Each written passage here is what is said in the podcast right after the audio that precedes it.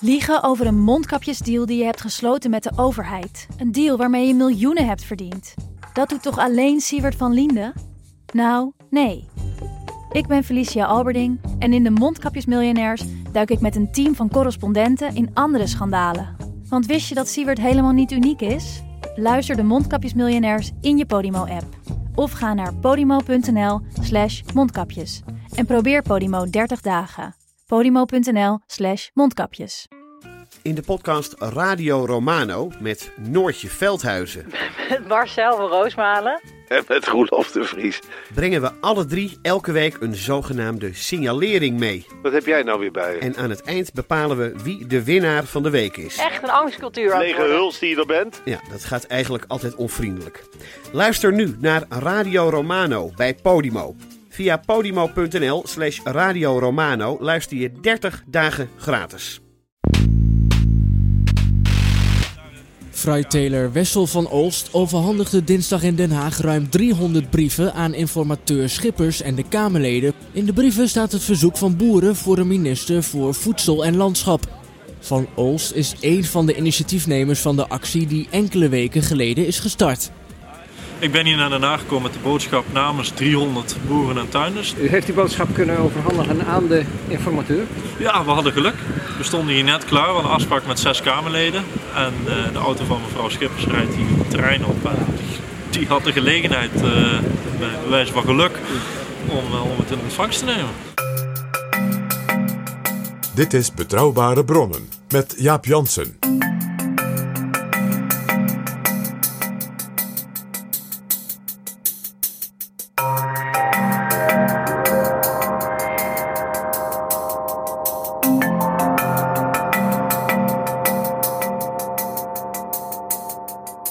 Hallo, welkom in Betrouwbare Bronnen, aflevering 184 en welkom ook PG. Dag Jaap. Voordat we beginnen wil ik graag onze nieuwe vrienden van de show verwelkomen. Luisteraars die met een donatie Betrouwbare Bronnen mede mogelijk maken. De nieuwe vrienden zijn Friso, Frank, Taco, Dries, Frank en Roland. Heel erg bedankt. Wij gaan onvermoeibaar door. Dit is Betrouwbare Bronnen. PG, de kabinetsformatie is gaande. Zeg dat wel. Mensen vragen zich af, wat gebeurt daar in die stadhouderskamer? Waar is Herman Tjenk Willink, de informateur, mee bezig? Die is aan het luisteren, aan het noteren en aan het heel erg aan het nadenken. Wat hoor ik als ik luister? En hij ontvangt brieven. Want ik zat vorige week te luisteren naar BNR Nieuwsradio en daar hoorde ik dit. En dan een van de zwaarst getroffen sectoren tijdens de coronacrisis is de toerismesector. En daarom is die branche nu als eerste sector als de kippen bij. Sturen een brandbrief naar informateur Cenk Willink. Waarin wordt gepleit voor een toerismeparagraaf in het regeerakkoord. Met daarin onder meer een speciale staatssecretaris voor toerisme. Een brandbrief, PG, van de toeristenbranche. Een brandbrief. En die wil een eigen staatssecretaris. En een toerismeparagraaf in het regeerakkoord. Wat dus automatisch een dik regeerakkoord zal worden met deze wens. Niks bondig, niks hoofdlijnen. En toen dacht ik, zo kun je dus de komende weken je radioprogramma's vullen. Want elke zichzelf respecterende organisatie in Nederland... die is op dit moment een brandbrief aan het schrijven aan Herman Tjenk Willink. Nou ja, Jaap, je brengt mij op, onmiddellijk op een gedachte. Waar is de brief van de opera en klassieke muziekgemeenschap van Nederland... dat er een staatssecretaris voor opera moet komen? Nou, ik denk, PG, wat wij van plan zijn om aan onze luisteraars te vertellen... dat heel veel organisaties zich nog wel eh, drie keer aan het hoofd zullen krabben... van moeten wij onze voorgenomen brief eigenlijk nog wel sturen. Want, PG, ik heb nog eens even gekeken in het archief van de kabinetsformatie 2017... Toen Edith Schippers van de VVD verkenner en later ook informateur was. En zij kreeg al in haar eerste dagen een hele lading brieven. De allereerste was een pleidooi voor structurele aandacht voor onbedoelde zwangerschap. De tweede ging over leefbaar landschap. De derde was van de stichting ONL voor ondernemers. Die hadden een enorm dik pakket van wel 80 pagina's gestuurd met allemaal ondernemerszaken. Dus de club van Hans Biesheuvel van het MKB. En de volgende brief was een aanbeveling voor de instelling van een minister van Voedsel en Landschap. Mag die het toerisme erbij doen, zodat er meer toeristen in het landschap gaan lopen en meer voedsel opeten? Of is, heb ik nu dingen door elkaar gehaald? En al die briefschrijvers die worden heel keurig netjes voorzien van een antwoord van de informateur. Dus elke dag als Herman Tjenk Willink zijn gasten heeft buitengelaten en de journalisten eh, misschien nog een paar vragen stellen bij de deur, dan zit Tjenk Willink onder brieven zijn handtekening te zetten. Dus die Bart en Irene, die dus de informateur ondersteunen, die moeten dus ook nog elke dag tientallen brieven netjes voorbereiden. Zodat Cenk Willink, als hij zeg maar, min of meer rond is met alle gesprekken en met hen waarschijnlijk ook wat gaan we morgen doen en wat moeten we doorrekenen en uitwerken. Dan moeten ze ook nog met elkaar brieven tekenen. Ja, ik denk dat ze daar voor die brieven, het opstellen van die brieven, hebben ze waarschijnlijk wel een stagiair in dienst. Want die brief die klinkt eigenlijk bij elke briefschrijver hetzelfde. Of die nou is van de, de voorzitter van de FNV of van een, een, mevrouw die een heel lucide idee denkt te hebben waar ze de informateur even van op de hoogte wil stellen. Want ook zulke brieven van burgers komen dus binnen hè, bij de informateur. En die brief die luidt als volgt.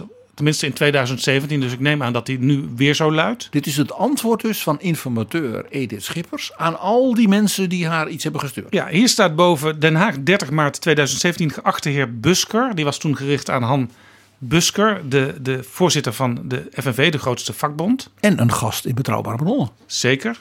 Geachte heer Busker, dank voor de brief die ik van u mocht ontvangen.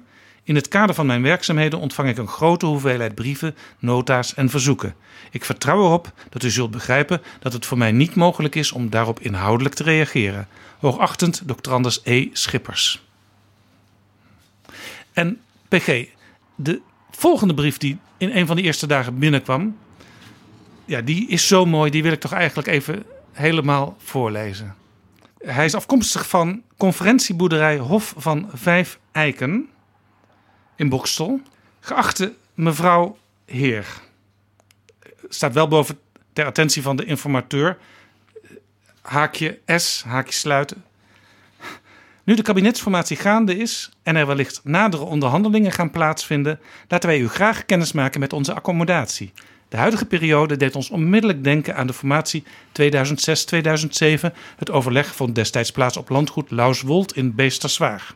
Het Hof van Vijf Eiken is voor soortgelijke gesprekken een uitstekende locatie. Wij bieden uiteraard exclusiviteit. Door de kleinschaligheid zal onze boerderij waarschijnlijk lang geheim blijven. Zo ontvangen wij onder andere in alle privacy en onder geheimhouding de Rijksrecherche, diverse afdelingen van de politie, penitentiaire inrichting Vught en diverse banken waarbij beveiliging slash geheimhouding vereist is.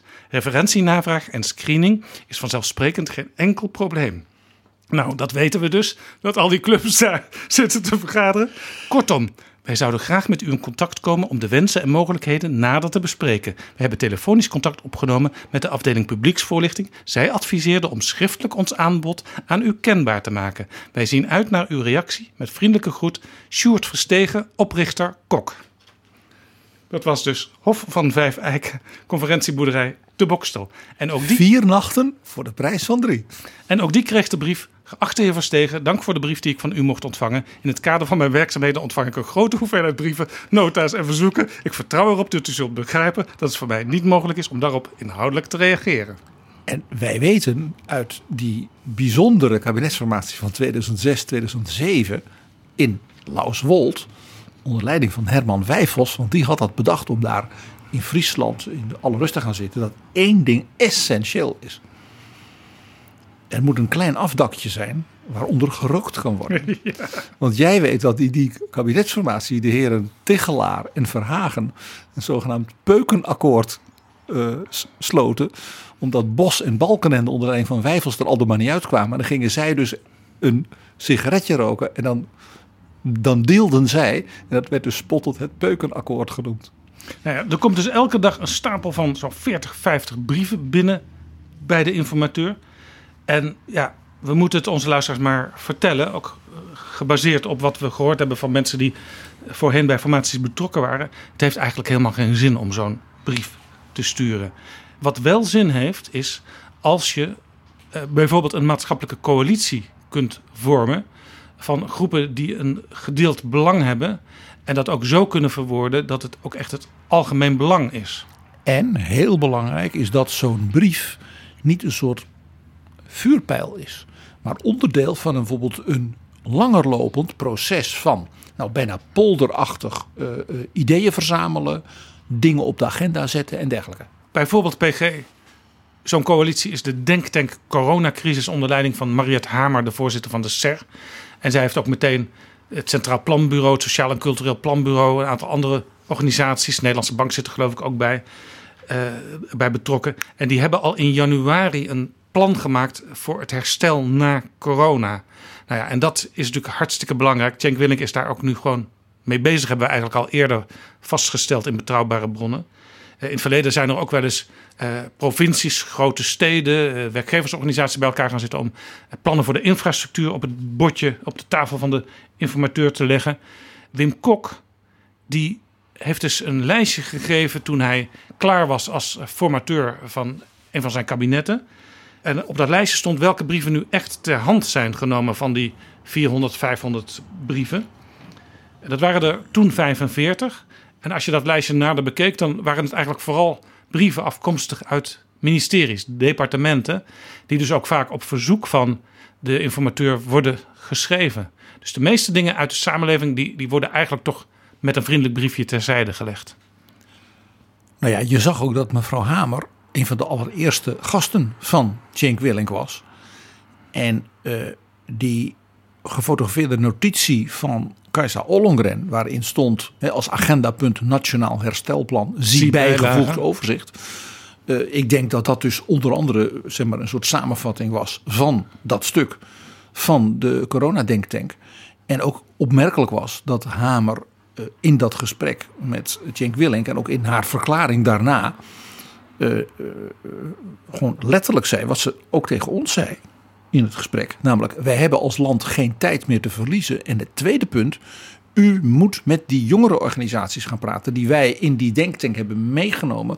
Want juist de jongeren staan zeer zwaar onder druk op alle terreinen tegelijk. Ja, en als je nou wil zien hoe een uh, goede lobby wordt opgezet, dan moet je ook constateren dat uh, rondom dat gesprek van Hamer met Cenk Willink er een interview verscheen in het Algemeen Dagblad met Ingrid Thijssen, de voorzitter van VNO-NCW, en Tuur Elzinga, de voorzitter van FNV. En die zijn alle twee nieuw, dus dat is voor de media interessant. Dat die twee nieuwe mensen meteen zeg maar, in de slipstream van Mariette Hamer eigenlijk met hetzelfde verhaal kwamen. En dat Cenk Willink die dagen ook de drie ministers uit het oude kabinet uh, ontving. Die verantwoordelijk zijn voor sociale zaken, financiën en economische zaken. Dus dat grijpt allemaal in elkaar. En ik denk dat dus die brieven waar jij naar verwees net van Wim Kok. Dat die brieven van die ministeries in feite toen in dat gesprek met die drie ministers door Cenk Willink als het ware ervaren als hij is ook uit die tijd hè, van Kok en van der Uyl zelfs gewoon zijn, zijn opgenomen dat hij zei van mag ik van jou Wouter Koolmees een nadere notitie ja, over uh, pensioenen uh, Wopke Hoekstra ten aanzien van de ondersteuning voor bedrijven hè, uh, in corona, Bas van het Woud, uh, hoe doen we het nu met energie?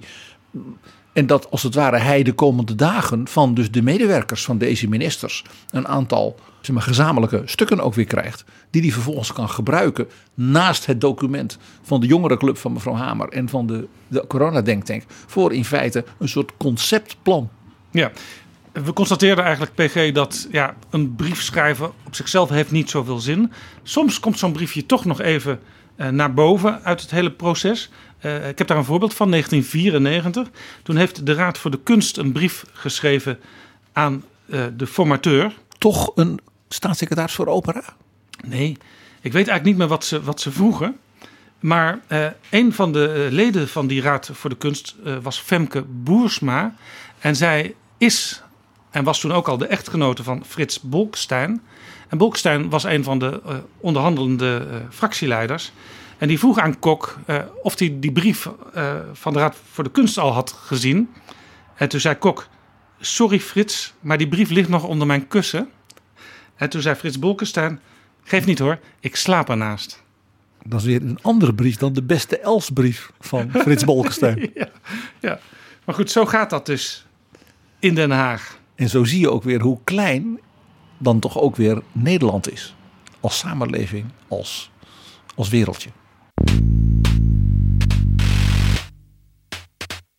Afgelopen week zagen we ook nog een speciale lobby. Een lobby om meer geld uit te gaan geven aan defensie. Er kwam eerst een interview in het dagblad Trouw met de vier leidende generaals van alle krijgsmachtonderdelen. Vorige week was er de overdracht eh, van de oude commandant der strijdkrachten, Rob Bauer, naar de nieuwe commandant der strijdkrachten, Onno Eigelsheim. Dus in feite zag je eerst vier zeg maar, generaals van de verschillende onderdelen. Vervolgens dus de vertrekkende oude baas van deze mensen en de aantredende nieuwe baas. Ja, en eh, wat gebeurde er? Op al die momenten werd er gepleit voor 4 miljard extra investering in defensie.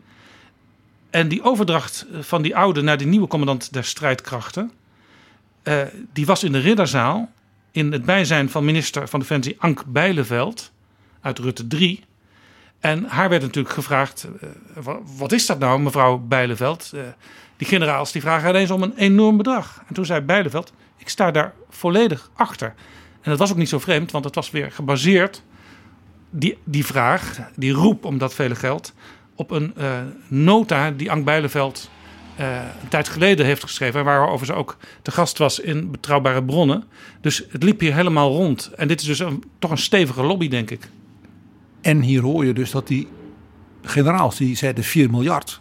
Wat ze daarmee bedoelden was 4 miljard extra. En dat voor de komende kabinetsperiode. Het stuk van uh, mevrouw Bijleveld is in feite een lange termijn strategie.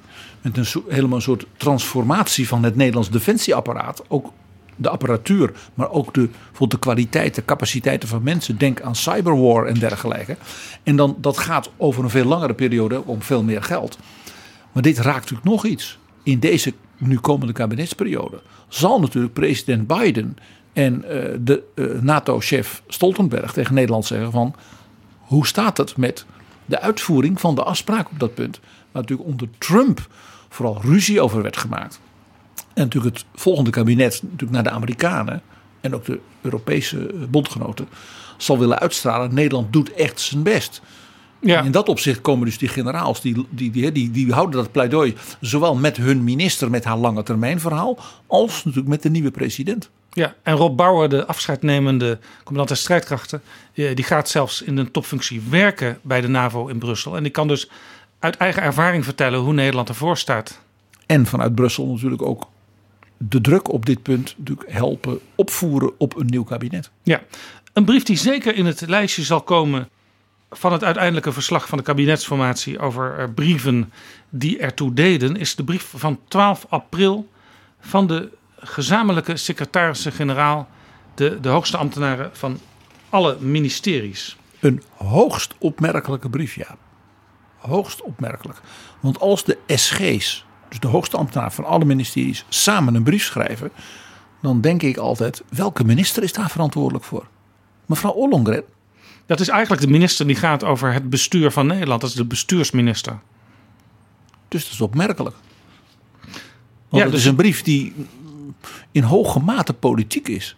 En in feite een brief die tegen de informateur en via de informateur tegen de formateur en het nieuwe kabinet zegt. Nou ja, een aantal dingen die u politiek bijvoorbeeld heeft besproken en in de verkiezingen belangrijk zijn geweest. En in het boek van Pieter Omtzigt belangrijk zijn geweest. Nou, daar voelen wij niet zo voor. Ja, een slim, een slim Kamerlid zou dus eigenlijk een, een debat kunnen aanvragen in de Tweede Kamer. En dan is de vraag, zit mevrouw Olongren daar achter de ministerstafel? Want ja, er moet toch iemand zitten? Je zou als uh, uh, jonge, kritische, nieuwe partij in de Kamer een aantal van de punten uit die brief bijvoorbeeld gewoon uh, op de agenda zetten. En zeggen, ja, voordat nou de informateur met die brief aan de haal gaat, willen wij als Kamer daar toch ook zelf over hebben nagedacht. En ja. misschien wel zelfs met de verantwoordelijk minister en de premier gediscussieerd hebben.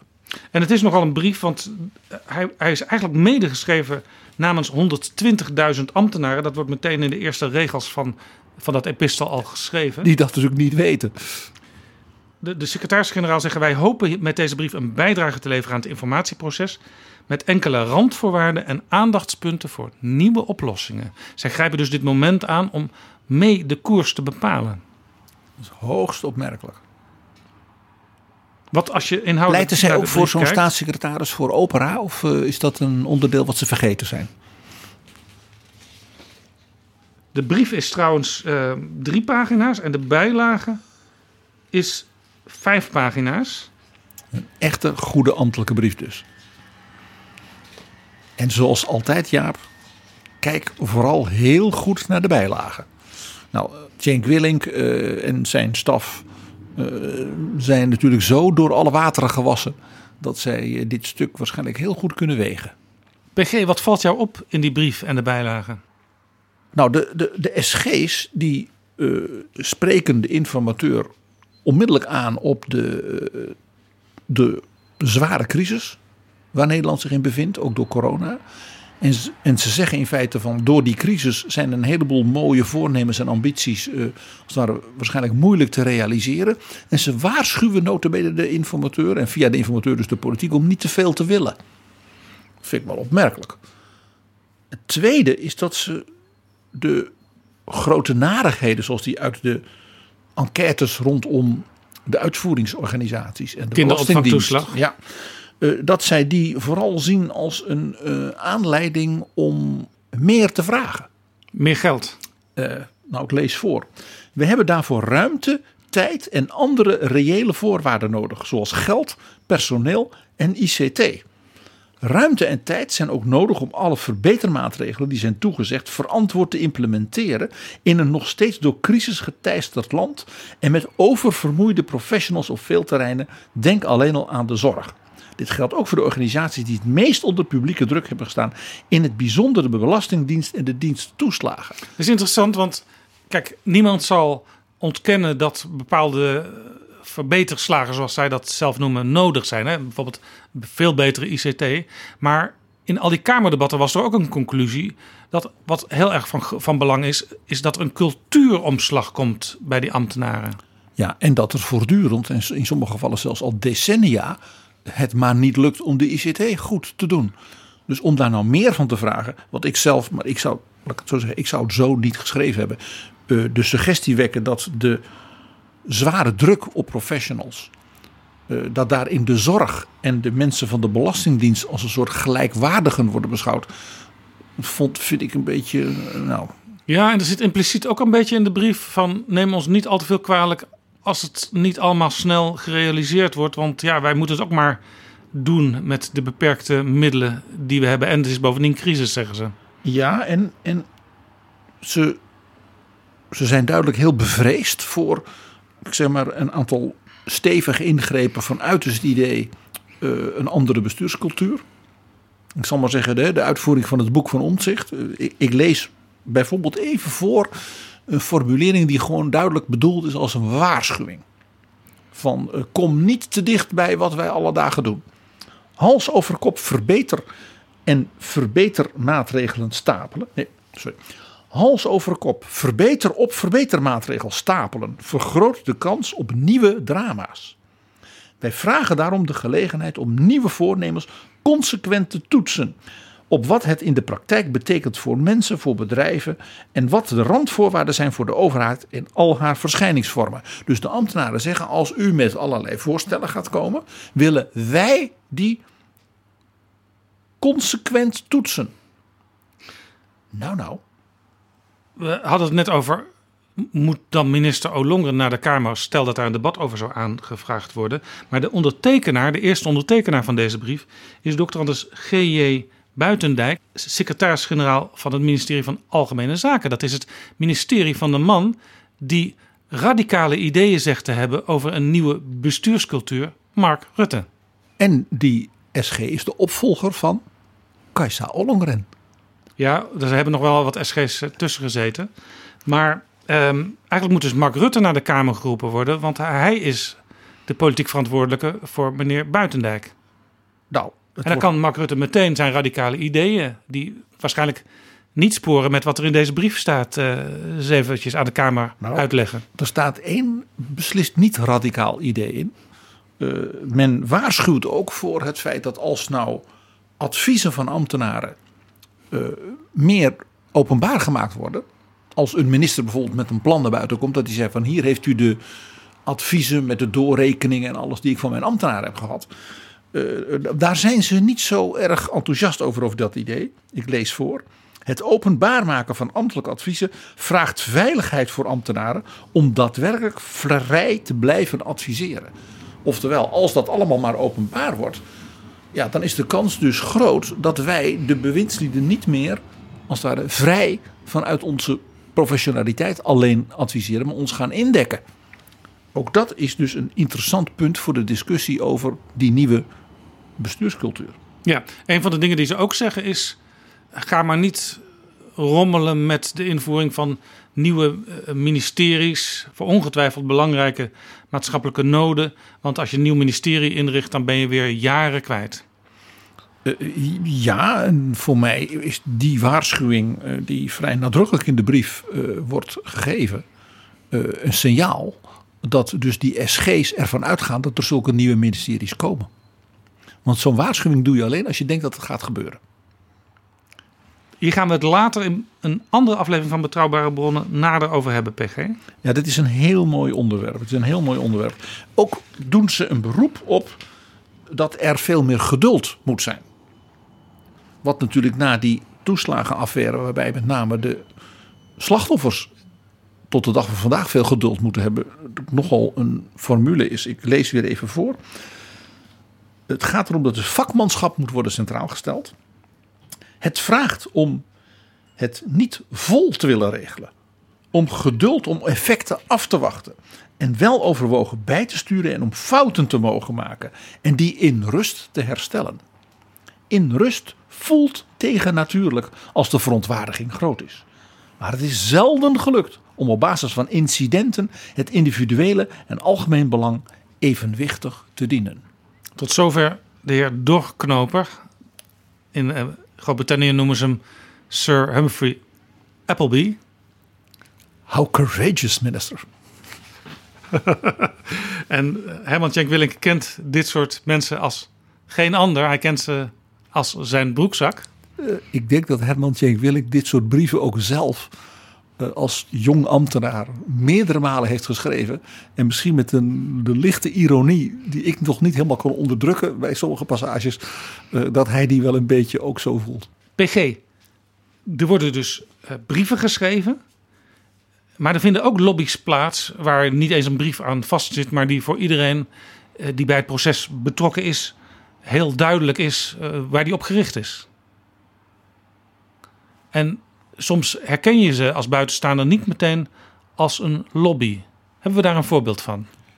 Nou, Jaap, uh, in onze meest recente aflevering rondom het Leiden Bioscience Park. 183 kwam iets buitengewoon interessants uh, op tafel. Sowieso interessant, maar dit was voor dit onderwerp ineens heel interessant. Het namelijk naar buiten komen, precies nu, van het allereerste advies van Jeroen Dijsselbloem en zijn experts voor het zeg maar, Wopke Wiebesfonds. Ja, want dat moment, dat is niet toevallig, zou je kunnen denken. Uh, want een tijdje geleden werd Wopke Hoekstra, eh, de minister die erover gaat, gevraagd wanneer komt eigenlijk dat eerste besluit uh, van de commissie Dijsselbloem, de eerste toekenningen van gelden uit het Wopke Wiebesfonds, het Nationaal Groeifonds. En toen zei Hoekstra, nou waarschijnlijk wel voor de zomer, misschien begin van de zomer. Daar zit dus enige speling voor zo'n commissie Dijsselbloem, wanneer ze daarmee naar buiten komen. En ze zijn er nu mee naar buiten gekomen. ja, want zodra Dijsselbloem was benoemd, om dat werk te gaan doen, is, men, is er dus onmiskenbaar een enorme versnelling ontstaan. Want hij is nog niet zo heel lang nee. daar. En dat bleek ook uit het feit dat. Uh, nou ja, de commissie was er al wel, die was al wel aan het werk. Maar uh, werd vrij kort geleden bekendgemaakt dat Dijsselbloem daar.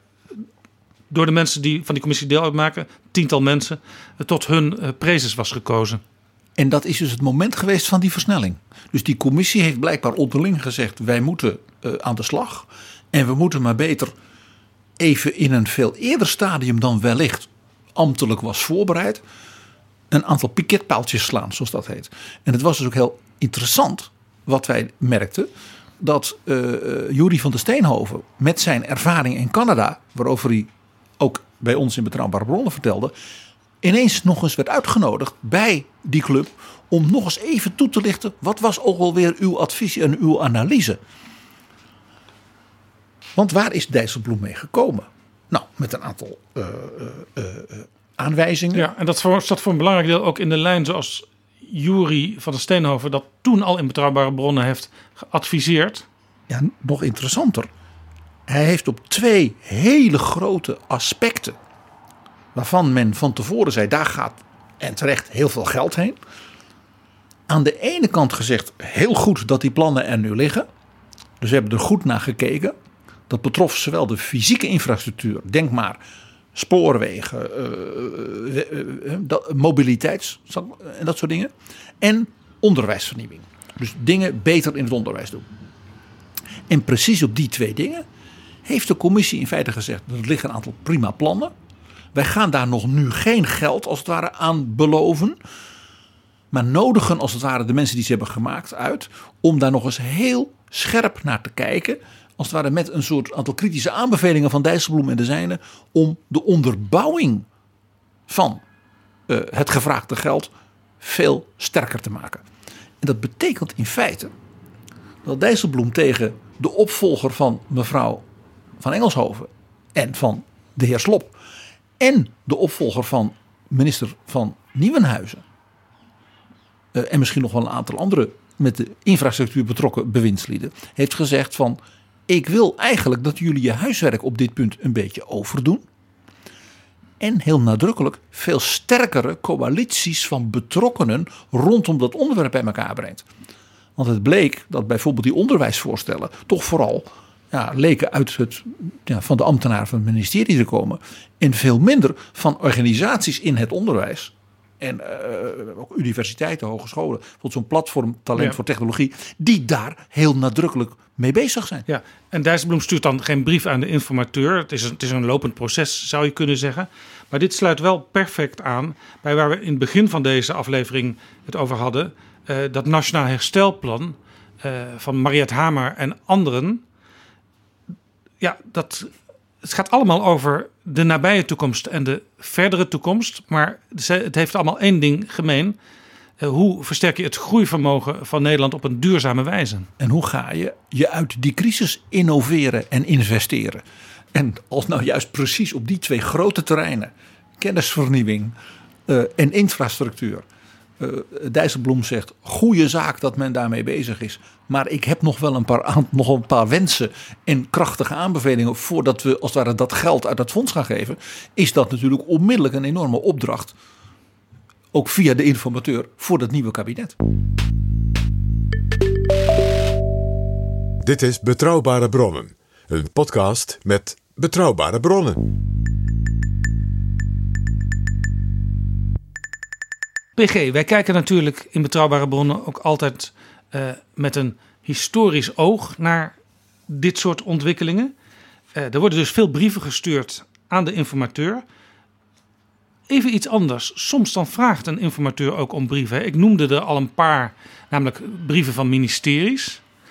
Uh, maar in de vorige kabinetsformatie, 2017, heeft diezelfde Cenk Willing, die toen ook informateur was, ook brieven gevraagd aan fractievoorzitters. Dat was historisch echt heel bijzonder. Wat speelde was dat met de verkiezingsuitslag de PVV van Geert Wilders zei: wij zijn de tweede partij van het land geworden met 20 zetels. Eh, ze gingen van 15 naar 20. De VVD van Mark Rutte heeft verloren. Het CDA heeft gewonnen. Eh, D66 heeft gewonnen. Maar die zijn toch net één zeteltje kleiner dan wij. Dus wij hebben er min of meer recht op. Als grote tweede partij. Dat wij betrokken worden in die kabinetsformatie. Want anders is dat ware een soort democratisch negeren van onze kiezers. Maar bij de informateur heel staatsrechtelijk, heel zuiver redenerend zei: als de heer Wilders mij die opvatting als informateur geeft, dan luister ik daar natuurlijk goed naar. En ik weeg af in hoeverre dat reëel is of we een aantal stappen kunnen zetten.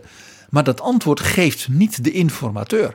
Dat was de denkfout die Wilders maakte in zijn klacht tegen de informateur, alsof het de heer Cenk Willink was die dat deed.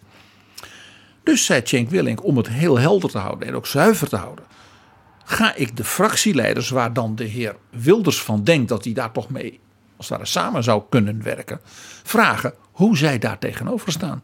En dat waren de heren Rutte en Buma, VVD en CDA, vanwege die eerdere gedoogconstructie die er was geweest bij Rutte 1. En Cenk Willing heeft dus aan die twee fractieleiders gevraagd: kunt u mij ja, een stuk geven waarin u namens uw fractie uiteenzet waarom u wel of niet en in welke zin dan eh, met de heer Wilders en zijn groepering, de PVV, eh, zou kunnen samengaan in een vorm van een coalitie. Nou, de heren uh, Rutte en Buma hebben beide zo'n brief aan de informateur gestuurd. En die brief heeft hij als het ware aan de heer Wilders gegeven van ik heb als informateur hier mijn werk gedaan, namelijk geïnformeerd. En heeft zelfs toen nog gezegd als de heer Wilders buiten mij om met die twee heren, Rutte en Buma, nog wil praten over die brieven, dan is dat wat mij betreft uitstekend. En dan hoor ik van de heren Rutte en Buma wel wat er uit dat gesprek gekomen is. Ja. En uh, ja, die twee, die twee brieven, uh, ja, die, laat zeggen, die logen er niet om.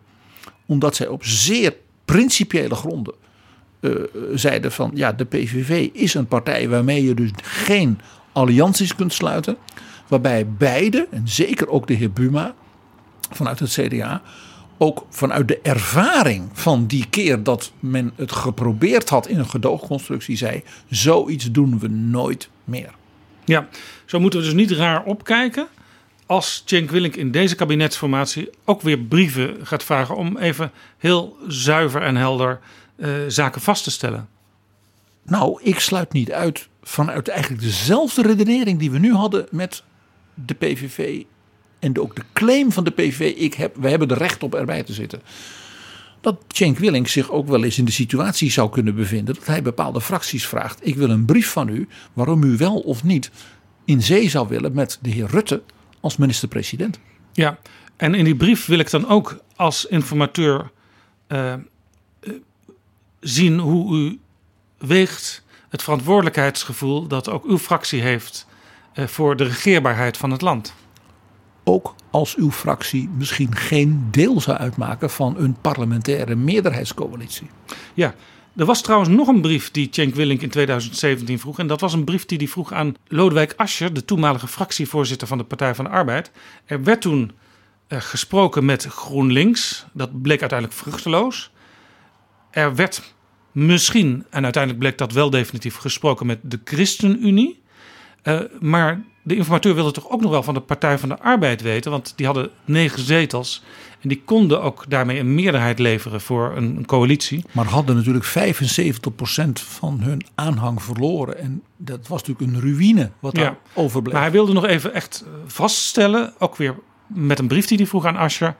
Uh, wat de positie van de Partij van de Arbeid was. En nou, Asscher legde uit, het ligt nu niet voor de hand, et cetera, et cetera.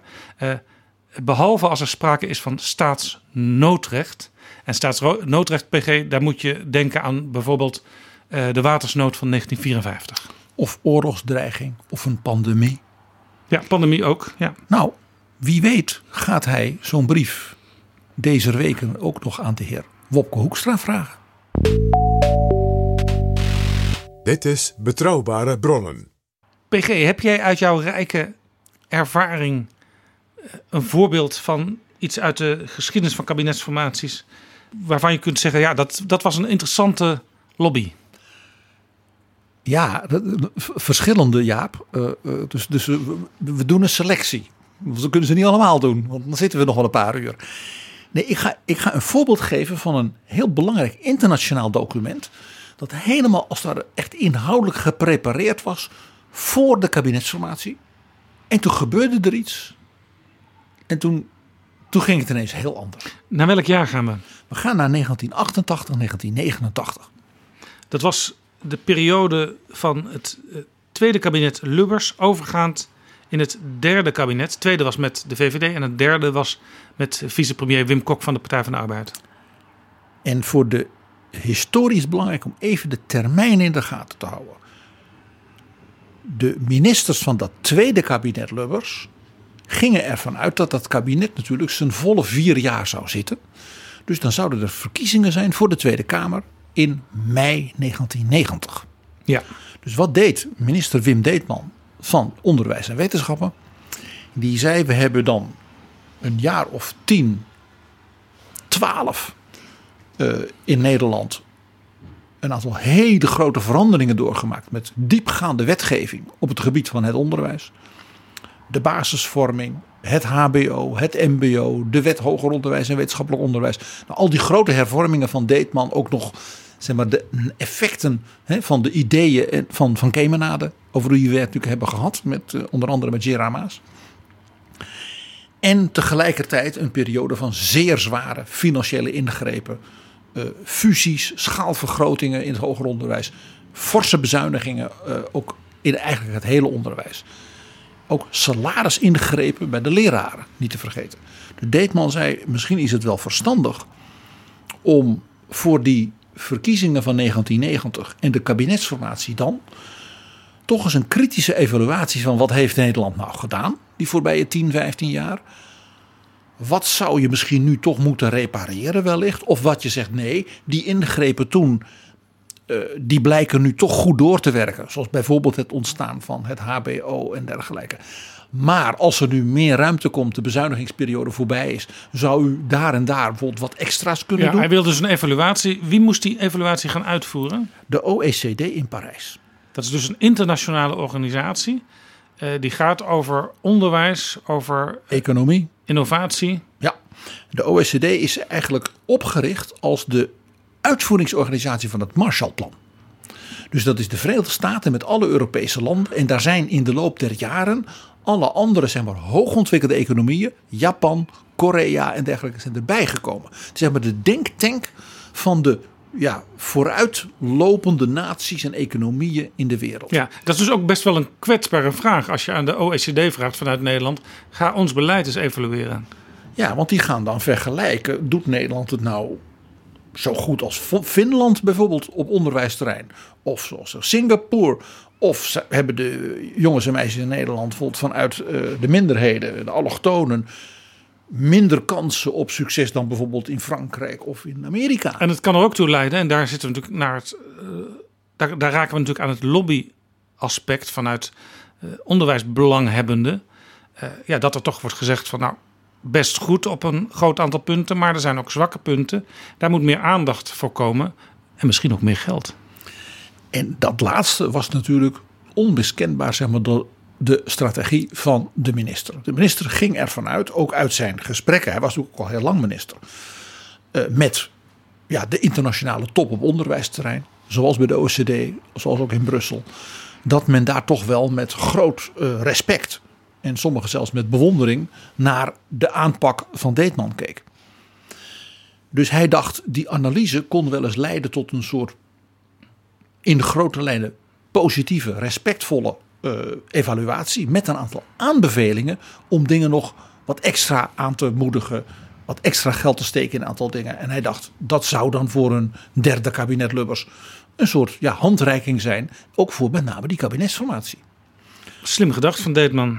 Dus hij liet een groep uh, experts een rapport maken van Nederland zelf voor de OECD.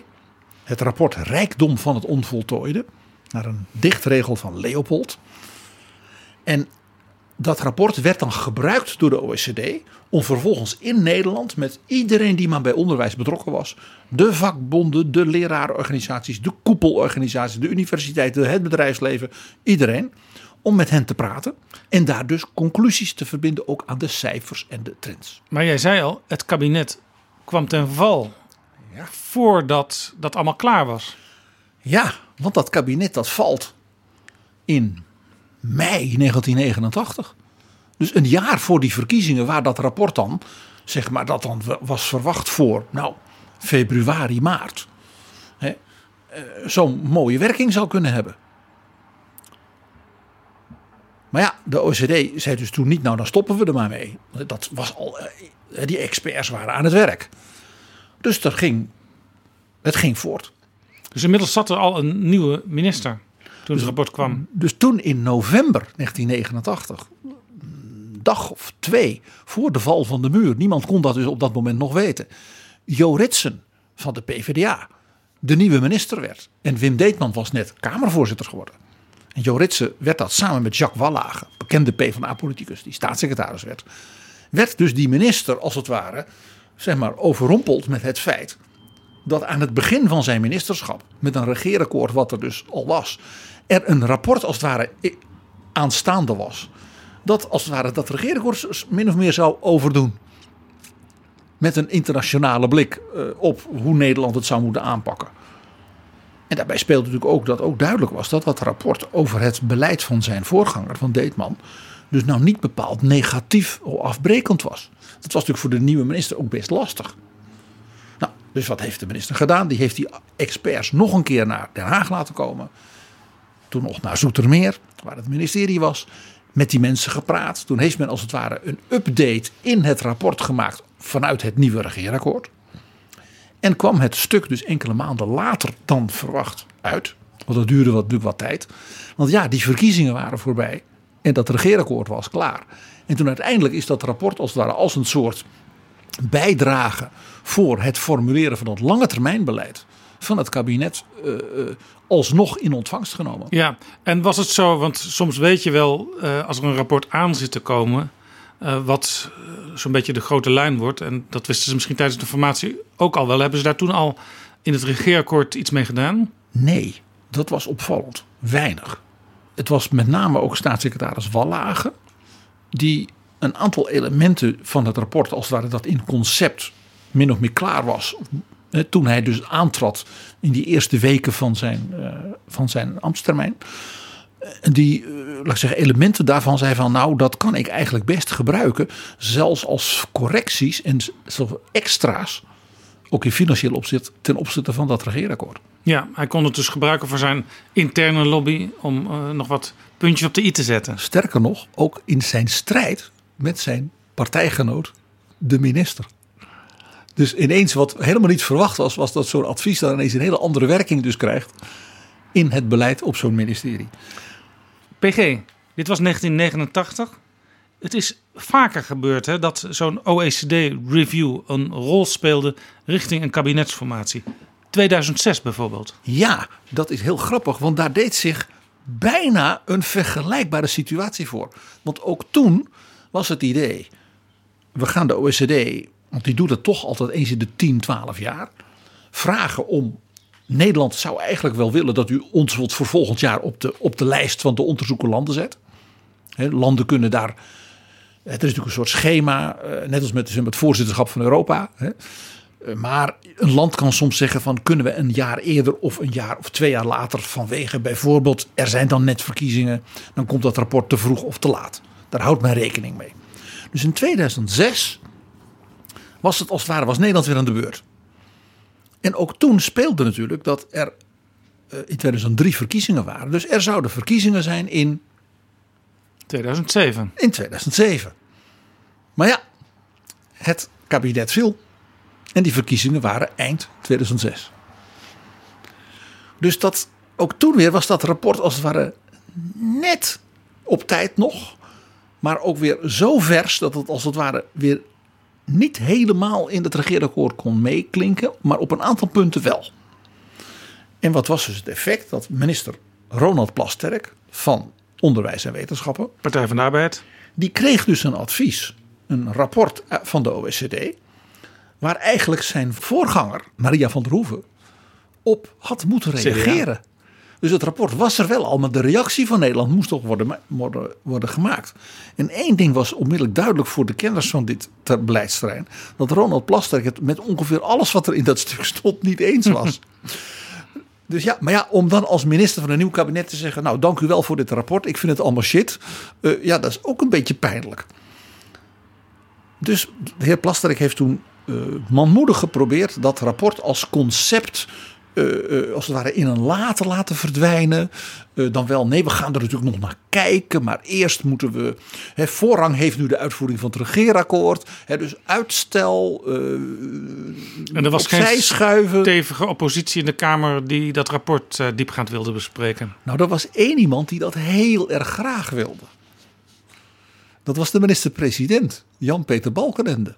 Want Plasterk en zijn partij, de Partij van de Arbeid, eh, Wouter Bos, hadden Balkenende eigenlijk ook in de verkiezingscampagne enorm onder schot genomen. Dat van ja, dat innovatieplatform van hem en dat allemaal, dat allemaal praatclub. Ja, dat was in dat vorige kabinet ontstaan, het innovatieplatform van En dat, is- Balkenende. dat is allemaal niks. En dat de minister-president dat dan doet. En dan gaat hij op bezoek bij allemaal bedrijven met andere ministers en met de experts. En daar komt niks uit. Wij gaan dat afschaffen. En de OECD zegt in zijn advies. Dat innovatieplatform is eigenlijk een ontzettend goed idee. En u bent nu net als Nederland een paar jaar mee begonnen. Voorbeeld Finland, ook een ander voorbeeld Singapore. Allemaal dus landen die dus toonaangevend waren ook in die OECD. Ga daar vooral mee door. Hou dat gewoon een tijd vol. Eh, zet er nog een aantal nieuwe ideeën bij. Hè, dus wat suggesties van de OECD. Eh, maar stop daar vooral niet te snel mee. Want als game changer in de manier van denken over kennis en innovatie... kan dat echt heel goed werken. Dat vond Balkenende natuurlijk hartstikke leuk. Dat dat initiatief van hem zo positief werd ja, opgepakt. dus, dus waarschijnlijk eh, werd er wel vanuit de fractie waar Balkenende verwant aan was, namelijk de CDA-fractie, eh, op gehamerd. We moeten toch iets met dat rapport. Nou, het was vooral Balkenende zelf. Vooral ook omdat hij in het regeerakkoord voor elkaar toch kreeg dat dat innovatieplatform bleef. En ook er een nieuwe samenstelling kwam. Dus er kwamen ook nog een aantal mensen bij. Een beetje in Dus dat is lijn met de OECD. Een, vanuit Balkenende een slot op verandering rondom dat innovatieplatform. Ja. Balkenende vond het dus natuurlijk altijd leuk om eh, ernaar te verwijzen dat de- ook de OECD zo enthousiast was over dat initiatief van hem. En dat hij daarom ook zo blij was dat het innovatieplatform in nieuwe samenstelling er ook weer echt werk van ging maken. Ja. En dan wist hij dat natuurlijk het gezicht van bijvoorbeeld minister Plasterk en andere mensen dan natuurlijk op donderend stond. Ja, de ingewijden die, die konden dat waarschijnlijk ook nog ook zien bij de algemene politieke beschouwing in de Tweede Kamer. Als Balkenende daar eh, stond te oreren over dat innovatieplatform. Eigenlijk zou de regie nu even naar minister Plasterk moeten gaan. Of naar vicepremier Bos, die had gezegd: ik ga dat allemaal afschaffen. Ja, dat, dat zijn, en zo zie je dus hoe dan zo'n, in feite dus in zo'n regeerakkoord, zo'n zo'n rapport dat toch doorwerkt. Terwijl dus de betrokken minister eigenlijk liever niet had dat het zou doorwerken.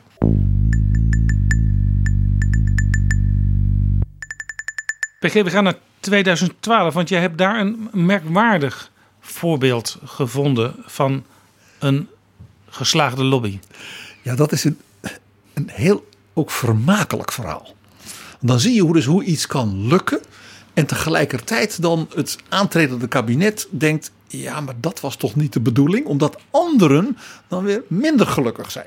Ik heb het nu over het technologiebeleid. In de eh, kabinetsformatie 2012, VVD, Partij van de Arbeid...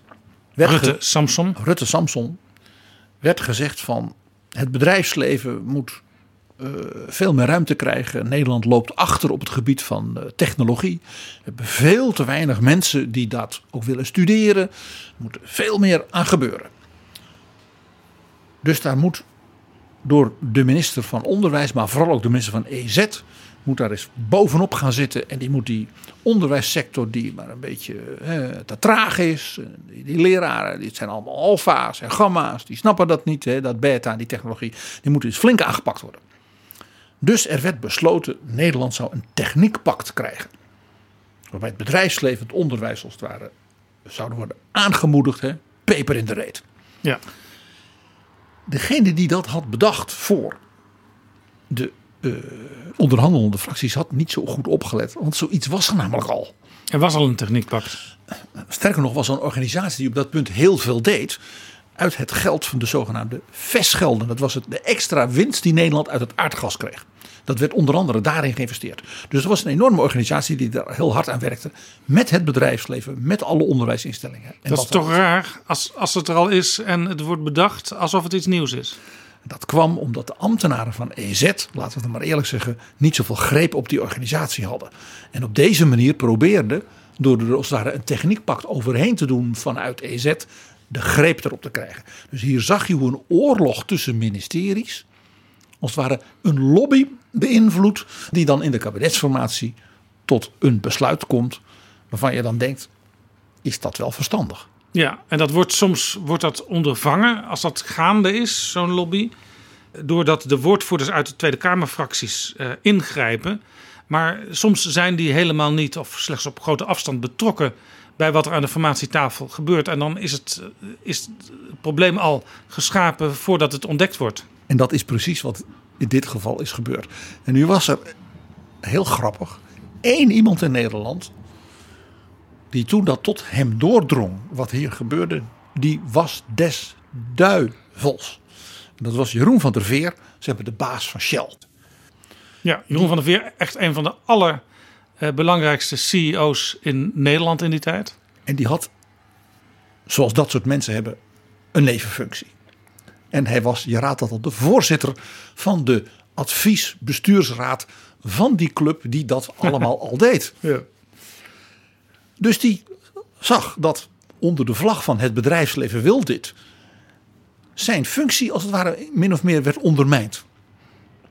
Dat moet je bij zo iemand als Jeroen van der Veer, iemand met dat karakter, ook met die power, niet doen als ambtenaar. En, en, Jeroen van der Veer heeft alle belangrijke ministers, inclusief de minister-president, onder zijn voorkeursknoppen op zijn telefoon zitten. En als hij belt, dan is de kans dat ze opnemen aanwezig. 100 procent.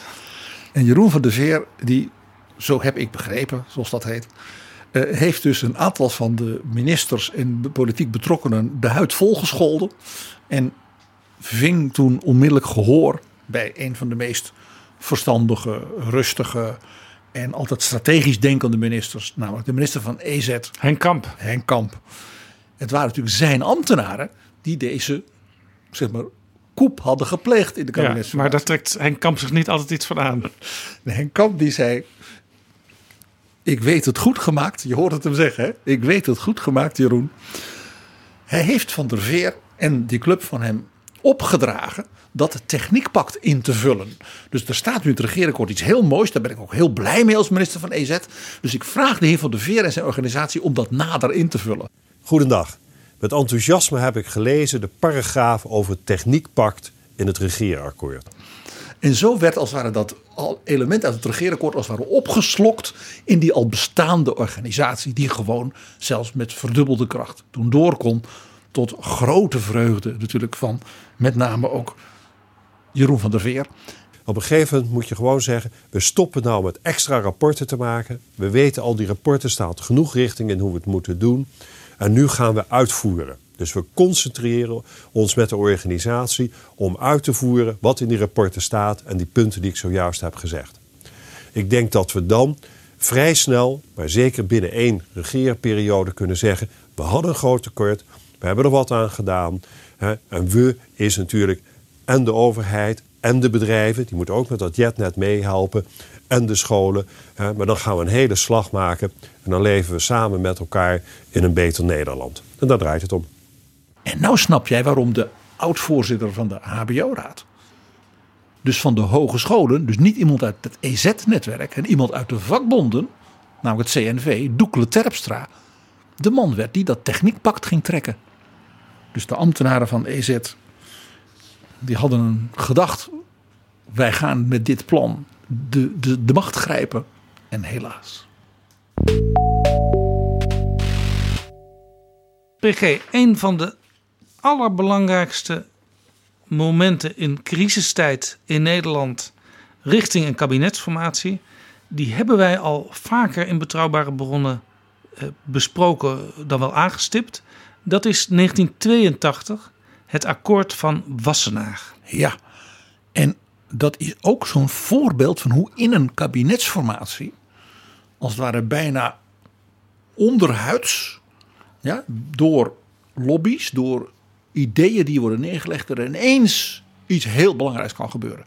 En in het licht van de actualiteit, als je kijkt naar de grote crisis waar we nu in zitten, is, dat, is dus wat er toen gebeurde ongelooflijk leerzaam en misschien zelfs instructief voor wat Cenk Willink nu meemaakt. Ja, wij noemden natuurlijk al aan het begin van deze aflevering uh, de lobby tussen aanhalingstekens van Mariette Hamer en haar uh, coronacrisisteam voor een nationaal herstelplan. Wij hebben het daar alles met haar over gehad in betrouwbare bronnen. En toen uh, refereerde jij, als ik me goed herinner, ook aan dat akkoord van Wassenaar. Ja, in de zin van dat ik zei, is het niet zo, als je kijkt naar de crisis waar we nu in, in zitten, dat er niet gewoon bijvoorbeeld rondom zo'n heel groot thema voor de komende 10, 20, 30 jaar als leven lang ontwikkelen. Alle werknemers voortdurend ook leren. Echt thema ook van eh, mevrouw Hamer. Dat je daar zo'n zo'n akkoord van Wassenaar voor nodig zou hebben. Waarin, waarin als het ware de polder tegen de politiek zegt: wij doen dit, doet u dan dat. En je ziet dat het natuurlijk geen toeval was dat iemand als mevrouw Hamer, als voorzitter van de SER, zich eens even is gaan verdiepen in die voorgeschiedenis.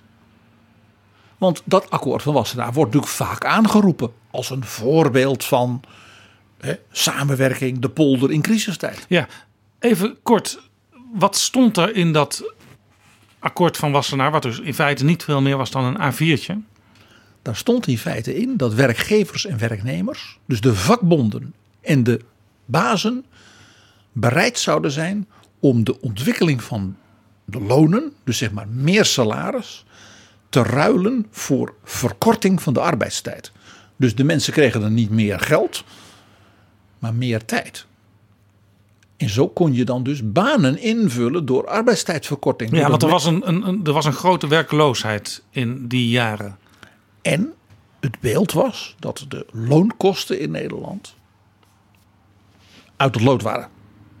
Ook door de zware lasten op, waardoor mensen zeiden: ik, wil, ik moet meer salaris hebben, want ik moet meer belasting betalen.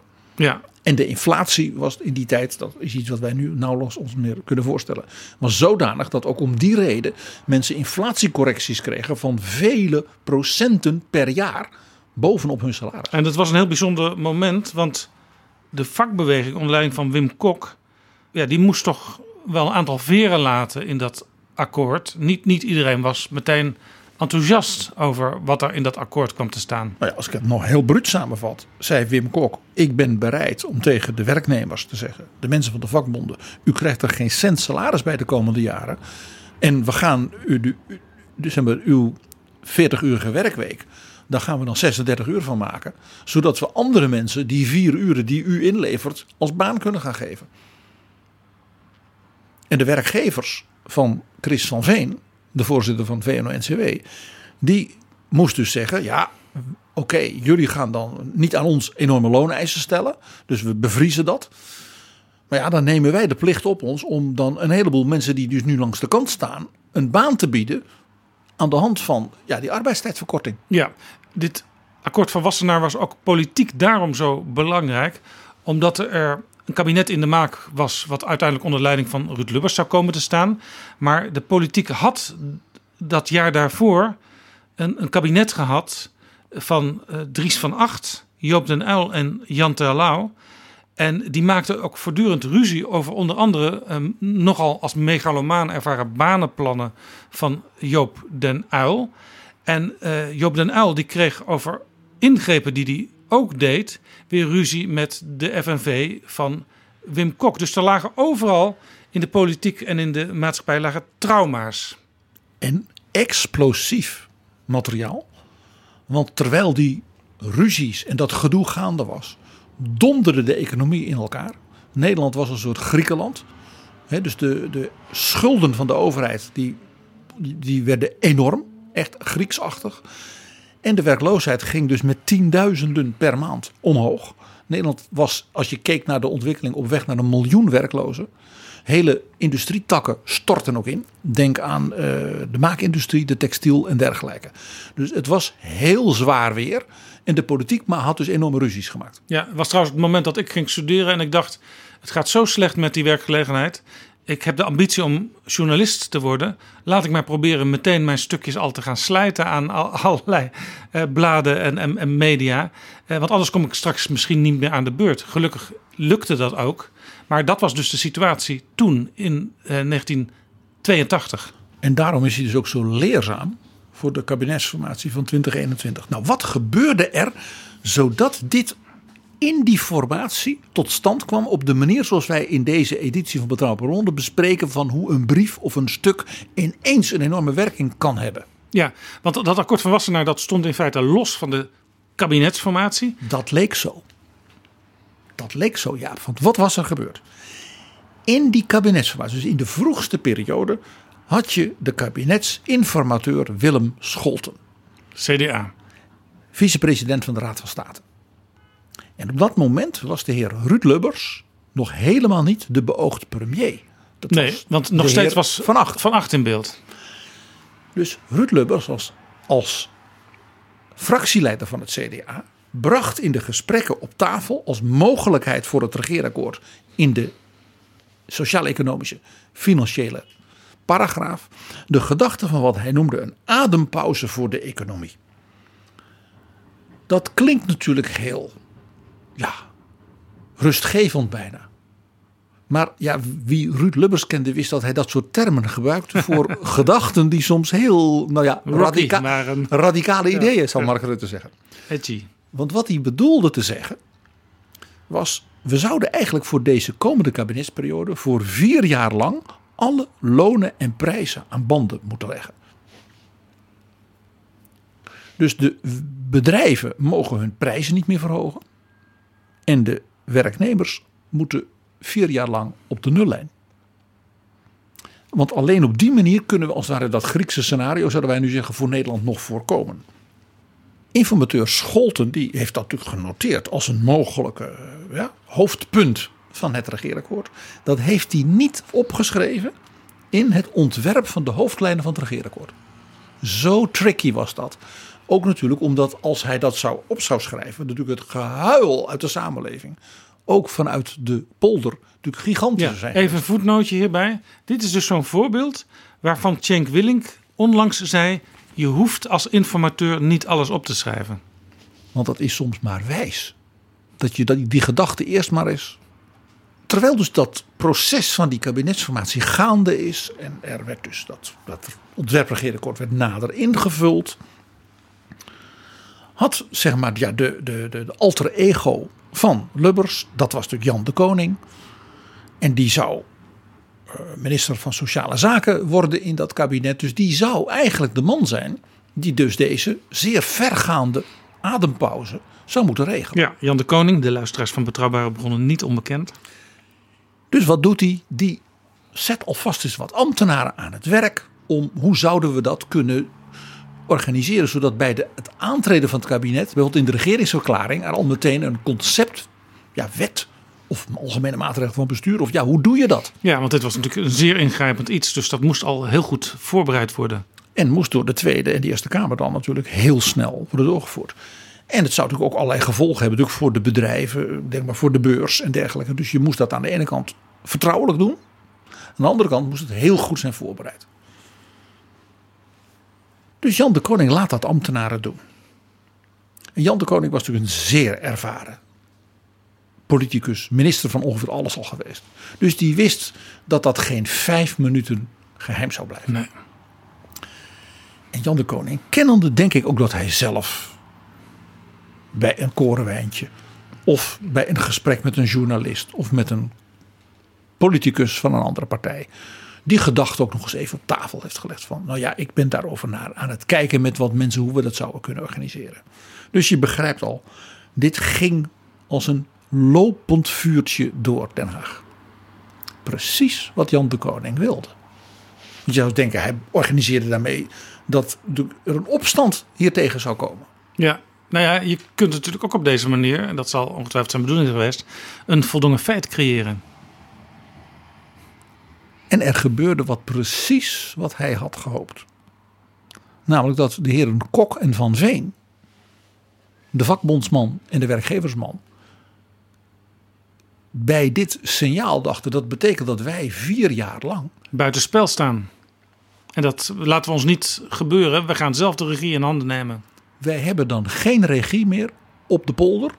Dan worden we door de ambtenaren van het ministerie van Sociale Zaken uiteraard krachtig gesteund door de ambtenaren van Financiën hè, en de minister-president.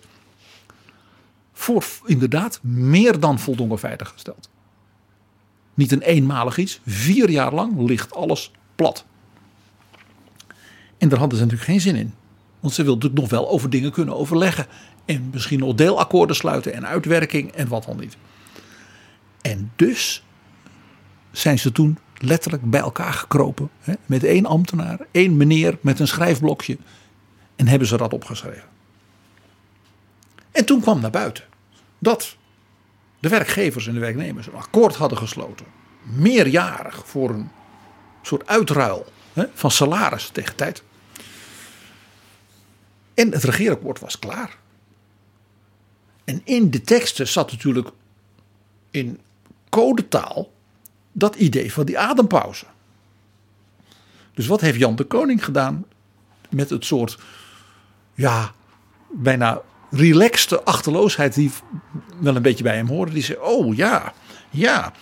In de ontwerptekst van de regeringsverklaring, die dus Ruud Lubbers zeg maar twee dagen daarna zou houden als de nieuwe minister-president. Daar wordt die adempauze aangekondigd. Dus de koning heeft gezegd, dan doen we toch gewoon een inlegvelletje. Dus de koning heeft in de tekst voor Lubbers, en dus de tekst die ook gedrukt zou worden van die regeringsverklaring, een inlegvelletje laten inlassen op het allerlaatste moment. Waarin staat wat mooi dat de polder er samen op deze manier uitkomt. Dat betekent dus dat zo'n loonmaatregel niet nodig is. Het geitenpaadje was gevonden middels het inlegvelletje. En hier komt ook dat begrip dus vandaan, wat je nu wel eens hoort rondom Mark Rutte. Als er weer eens een probleem is, dan komt er uiteindelijk een inlegvelletje aan te pas. Maar je ziet hoe dus dat idee van Lubbers in het begin van die kabinetsformatie, van die adempauze, via dus een aantal tussenstappen, niet als het ware gerealiseerd werd door het kabinet, maar feitelijk economisch, sociaal-economisch wel, namelijk door de polder. En het kabinet als het ware zei, wij steunen dit en wij werken dit nu samen met hen uit. Dus, dus heel effectief. Dit is Betrouwbare Bronnen. Nog even een voorbeeld, PG, want we gaan richting het einde van deze aflevering, van een lobby die heel sterk lijkt, maar uiteindelijk in zijn tegendeel gaat verkeren. Namelijk de lobby vanuit de VVD aan het slot van de kabinetsformatie 2017 om de dividendbelasting af te schaffen. De aanvoerder van de VVD en, zeg- daarna minister-president Mark Rutte, die voelde het tot in zijn vezels dat Ja, dat moest. En ik zeg lobby vanuit de VVD, maar het was natuurlijk een lobby die eigenlijk was ingezet vanuit VNO-NCW, de toenmalige voorzitter, is, hij, hij is helaas overleden, Hans de Boer. Die ook al gast is geweest in Betrouwbare Bronnen. Een kleurrijke man. Die ook eh, er helemaal niet voor terugschrok om te zeggen: ja hoor, ik heb daarvoor gepleit. Want er werd schande en bar van gesproken. En dat stond in geen enkel verkiezingsprogramma. Waarop hij zei: ja, nou ja, dan stond het er maar niet in. Nou ja, jij weet, het verhaal was: we moeten dat doen, want dan komen die grote bedrijven naar Nederland vanwege Brexit. Ja, dan wordt Nederland extra aantrekkelijk. En we zien nu. En die belasting die is er in Engeland niet, dus dat is dan geen drempel meer om voor Nederland te kiezen. En we zijn nu vier jaar verder. En hoewel Mark Rutte het in zijn vezels voelde dat dat moest, ging het vervolgens gewoon niet door. Omdat de bedrijven waar het voor bedoeld was zich er niks van aantrokken. En we zien nu op dit moment aan de cijfers dat de bedrijven, waaronder ook grote financiële bedrijven, maar ook allerlei andere bedrijven, massaal van het Verenigd Koninkrijk verhuizen naar onder andere Nederland en andere Europese landen vanwege Brexit. Ja, en afgelopen week had The Economist, een eh, uit Groot-Brittannië afkomstig, eh, wereldwijd eh, gelezen weekblad over economie, politiek, geopolitiek vooral ook, en andere maatschappelijke zaken, had op de voorpagina een draad die langzaam tot een breuk komt. En je ziet die draad bestaat uit de kleuren van de vlag van het Verenigd Koninkrijk. Als titel staat op de cover Untied Kingdom, The Perilous State of the Union.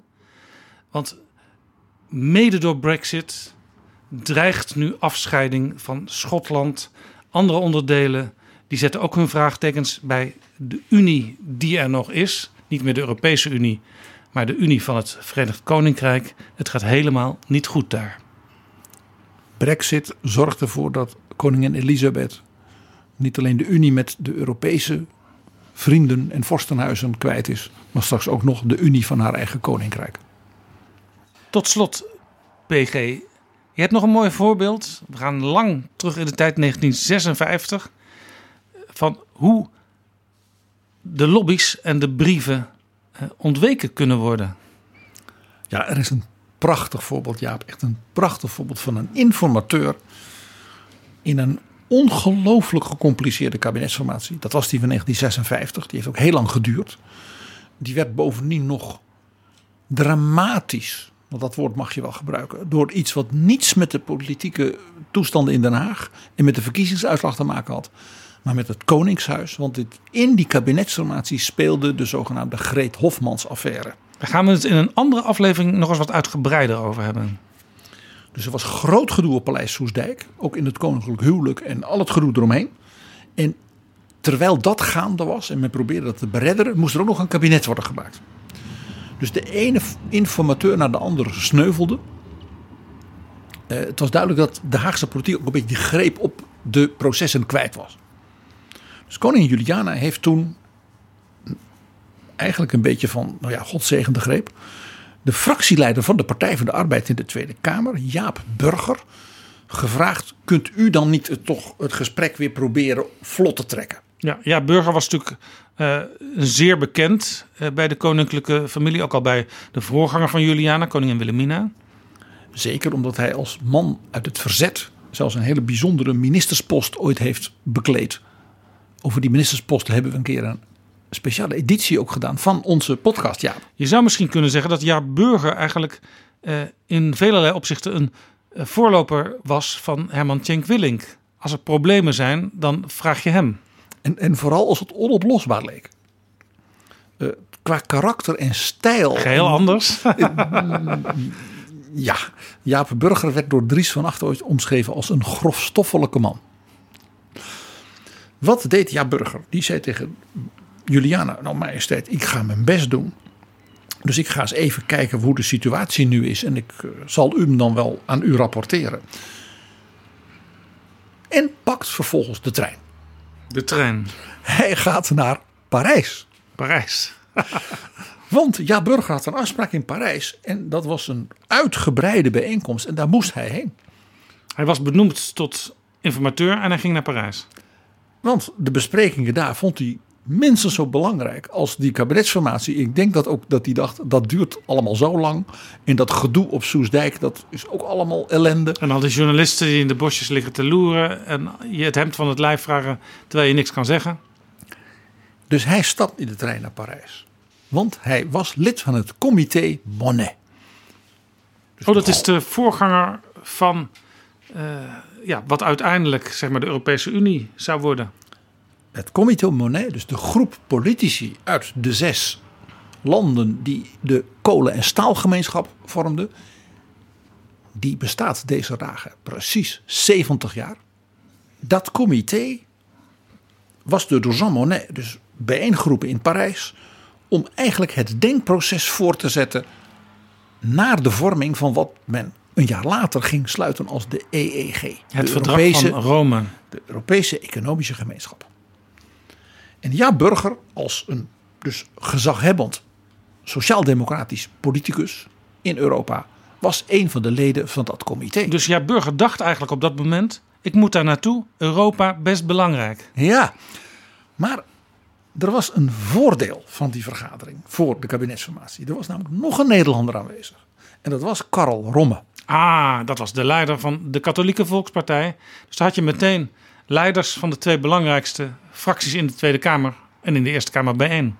En die in die, in die, in die verkiezingscampagne elkaar helemaal hadden nou, stijf gescholden. Er was een hele felle campagne geweest van de KVP tegen de PvdA en omgekeerd. Ja, ze waren ook een beetje op elkaar uitgekeken. Dat zou de jaren daarna blijken. Dus Burger die dacht, ik zit in Parijs. Karl is daar ook. En je raadt het al. Er was dus verder niemand die hen kon beloeren, zoals jij zei. Die hen lastig kon vallen met brieven, met adviezen. Dus zijdelings van de vergaderingen van het comité Monet. Dat dus zo belangrijk was dat een jaar later ja, die Europese eenwording beklonken kon worden in Rome. Dus dat is een van de belangrijkste vergaderingen van de 20e eeuw geweest. Ja, toen legden ze dus echt, ook die twee Nederlandse leiders, legden de prioriteit bij Europa. Ja, maar ze waren er nou toch. Ja, natuurlijk. Dus ik denk dat zij, uh, zeg maar, in een goed Parijs restaurant na afloop. En in wat zij bijeenkomsten en misschien nog een keer in de foyer van hun hotel. Toch eens even de koppen bij elkaar hebben gestoken. En die twee hebben toen in feite ze hebben de basis gelegd voor het regeerakkoord. Oké, jij dit, ik dat. Laten we nou stoppen met die verkiezingscampagne met elkaar stijf gescholden. Vooruit. En nou weer verder. En natuurlijk ook wetend de grote crisis hè, waar premier Drees en de commissie onder leiding van Louis Beel hè, met die Greet Hofmans affaire mee, mee bezig was. En hoe, hoe serieus en bedreigend dat was. Ja, de basis werd dus in Parijs gelegd in 1956. En er was er niemand bij. Geen brieven, geen stukken. Ook niet, hoewel ze in Parijs waren, advies van de OECD. Het was er allemaal niet. Ja, Burger komt terug in Den Haag. En meldt dus eigenlijk, nou ja, we zijn eruit. Er ligt een akkoord. Je begrijpt dat die fracties in de Tweede Kamer, die waren natuurlijk des duivels. Die hadden dus geen enkele inbreng gehad. Dus Burger heeft toen toch nog een paar weken moeten soebatten. Want toen gingen die fracties hebben wraak genomen door ongelooflijk ingewikkeld te gaan zitten doen over de zetelverdeling. Nou, dat is er uiteindelijk ook nog uitgekomen. Drees werd toen opnieuw formateur. En zo kwam er opnieuw een kabinet Drees. En de grote narigheden in Soesdijk rond die mevrouw Hofmans werden ook opgelost. Dankjewel, PG.